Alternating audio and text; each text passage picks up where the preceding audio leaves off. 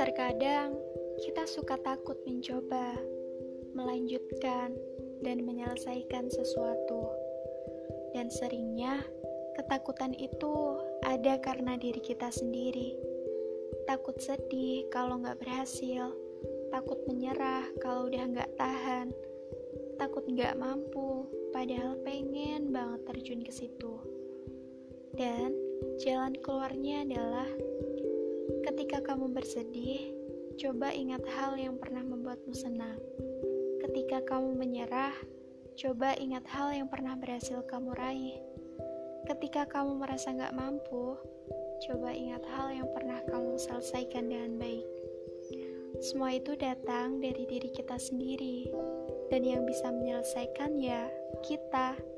Tapi tak terlepas dari dia yang memiliki dan memelihara kita.